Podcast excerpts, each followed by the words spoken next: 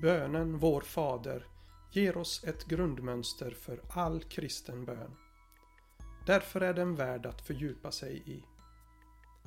Du lyssnar på första delen av podden Bönernas bön där vi avsnitt för avsnitt ska studera och samtala om Herrens bön. Denna inledning ska handla om vad bön är, hur Jesus bad och varför han lärde ut bönen Vår Fader. Jag heter Oliver Job och är präst i Svenska kyrkan. Jag är verksam vid Jo folkhögskola, Skara stift.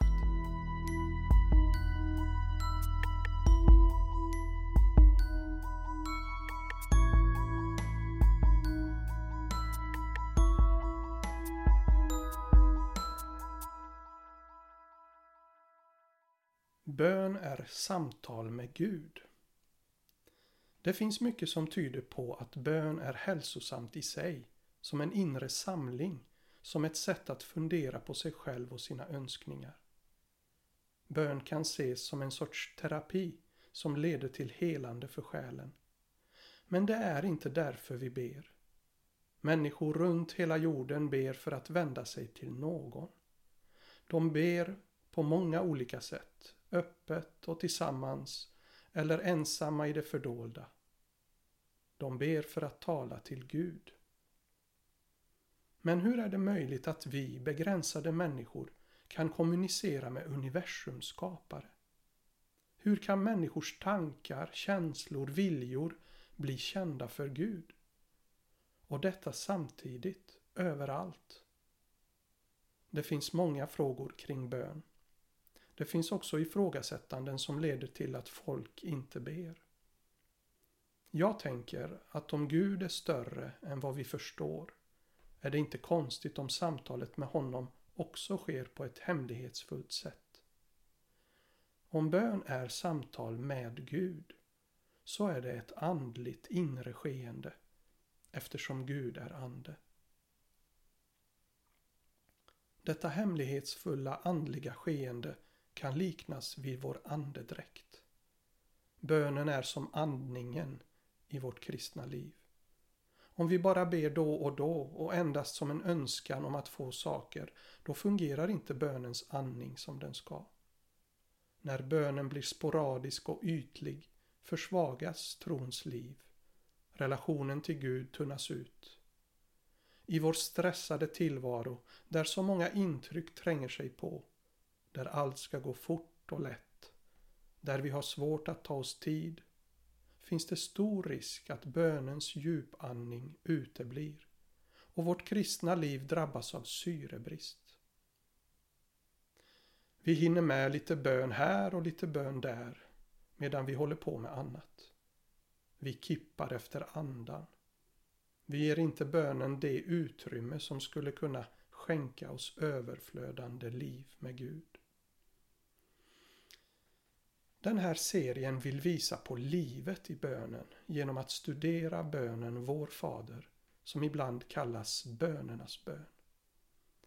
Den bön som ger oss mönstret för all kristen bön.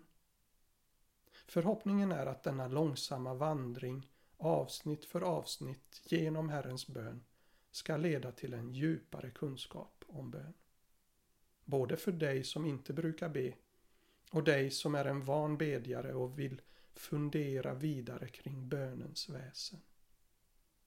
Förhoppningen är att kunna inspirera alla till att relationen med Gud ska få växa och fördjupas genom bön. När bönens andning fungerar, då ger den kraft i vardagen. Vägledning i våra valsituationer, hjälp i motgång, stöd i utmaningar och tröst och hopp i sorgen. Dessutom kan vi genom bönen bli till hjälp för vår medmänniska och göra en insats i världen. Med bönen når vi runt hela jorden, hur begränsade vi än är. Vi kan göra skillnad där vi annars inte har någon möjlighet att påverka. Hur ska vi göra för att bönen ska bli detta goda samtal med Gud, detta verksamma verktyg i vår hand? Herrens bön är svaret som vi får av Jesus själv.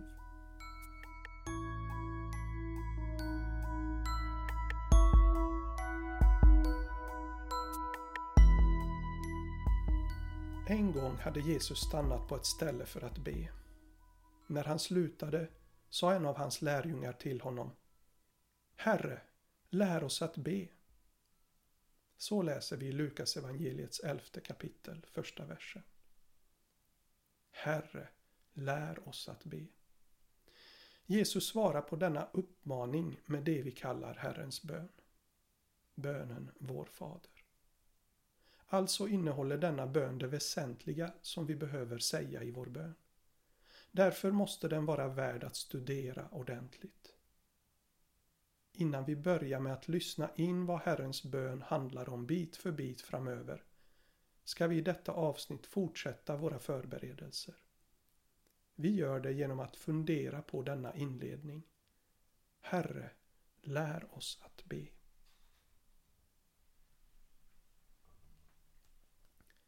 Redan detta är en bön. En bön om att få lära sig be. Det är en grundattityd för äkta bön. Vi får lära oss och utvecklas hur lite eller hur mycket vi än vet om bön. Hur lite eller hur mycket vi än har bett i våra liv. Hur torrt eller flödande böneliv vi än har för tillfället. Bönens verkan är inte beroende av vad vi har att komma med, hur duktiga vi är att tänka ut rätt saker att be om och hur skickliga vi är på att formulera våra önskningar. Bönens rätta attityd är snarare att komma till Gud mitt i vår litenhet och svaghet.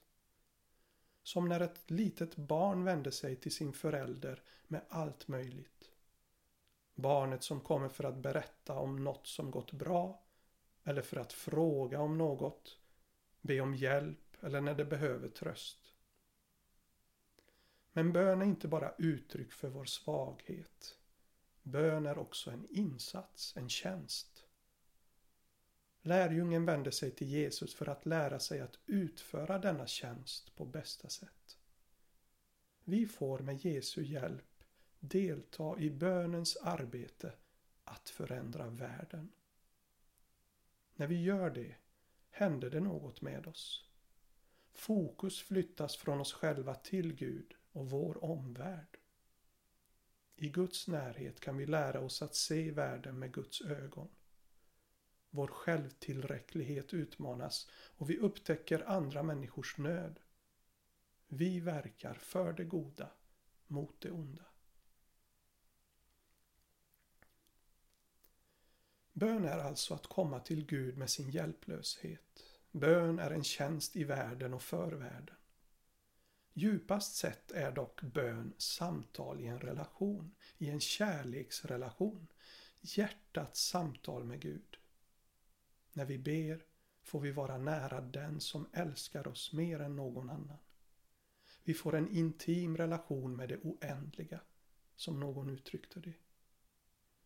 Det är till denna oändliga och samtidigt intima gemenskap med vår treenige Gud som Jesus bjuder in människor i alla tider när han lär sina lärjungar att be. Vi får komma till Gud när som helst, som vi är, för han älskar oss och vill vara med oss till varje pris. Från vår sida är frågan hur högt vi prioriterar bönen, för det är så vi kan visa vad gemenskapen med Gud betyder för oss.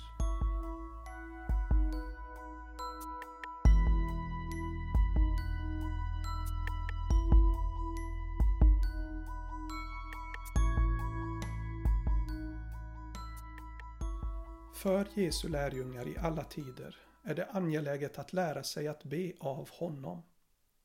Vi kan göra det än idag för att vi har Nya testamentets vittnesbörd som bevarats för oss. Där kan vi se hur Jesus, Guds son, levde i bön, höra vad han lärde om bön och vi kan be med hans egna ord. Dessa tre saker ska vi titta närmare på. Hur Jesus levde i bön, vad han lärde om bön och hur vi kan be med hans egna ord. Jesus levde i bön. Den bästa undervisningen är ju livets exempel. Jesus var en bönens man. Vi läser om Jesus att han bad. Han bad i många olika sammanhang och på olika sätt. Han drog sig undan och bad, särskilt i samband med stora utmaningar. Han bad högt inför andra, inför måltider. Han bad vid framgång och under motgång. Han bad med egna ord eller med saltarens ord. Han bad för andra. Bad för sjuka och till och med för den döde Lazarus. Han bad för sina lärjungar och för kyrkan i en storartad bön som kallas Jesu översteprästerliga förbön. Jesus bad även för sin egen situation.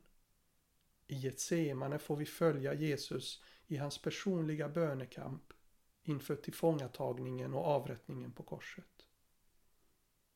Han som var ett med Fadern ville samtala med honom, behövde bönens innerliga gemenskap med Fadern under sitt liv på jorden.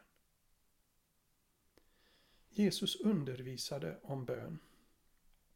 Han undervisar med hjälp av vardagsnära liknelser. Han kan likna bönen vid att knacka på hos en god vän för att man behöver låna bröd. Jesus undervisar också i mer direkta ord. Han säger Be så ska ni få. Sök så ska ni finna. Bulta så ska dörren öppnas. Ty den som ber, han får. Och den som söker, han finner. Och för den som bultar ska dörren öppnas. I Matteusevangeliets sjätte kapitel, mitt i bergspredikan, finns ett avsnitt om bön. Undervisningen är tydlig. Jesus säger När du ber, gå då in i din kammare. Stäng dörren och be sedan till din fader som är i det fördolda. Då ska din fader som ser i det fördolda belöna dig.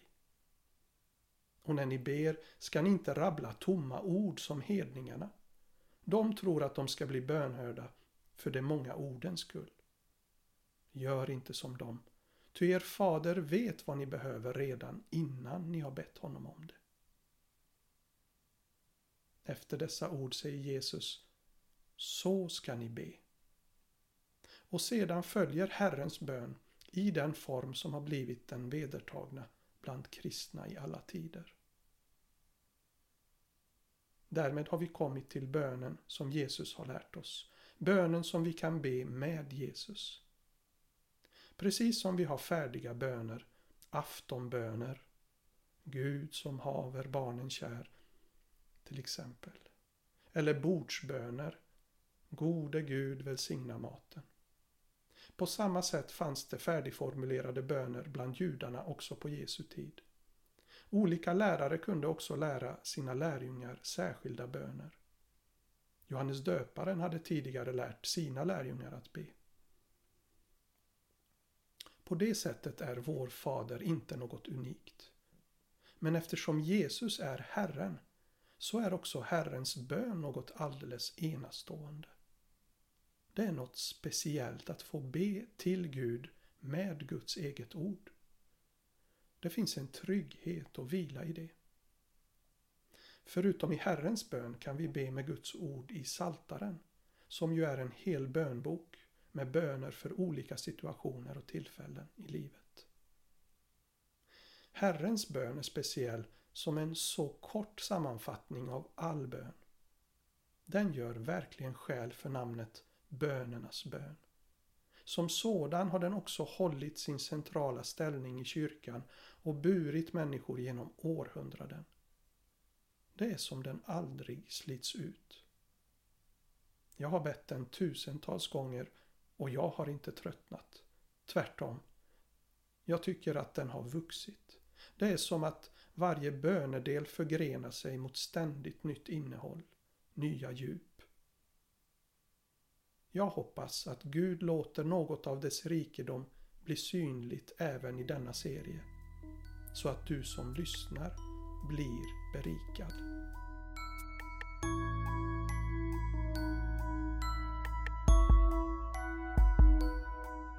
I nästa avsnitt ska jag samtala med Magnus Nordqvist om våra olikartade erfarenheter av Herrens bön.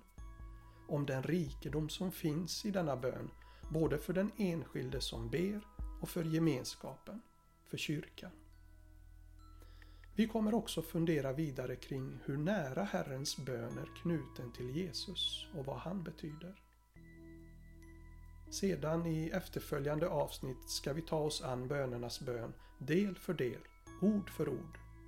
Jag hoppas att du vill fortsätta följa med på denna spännande resa som just har börjat. Musiken i podden har Josef Rimshult bidragit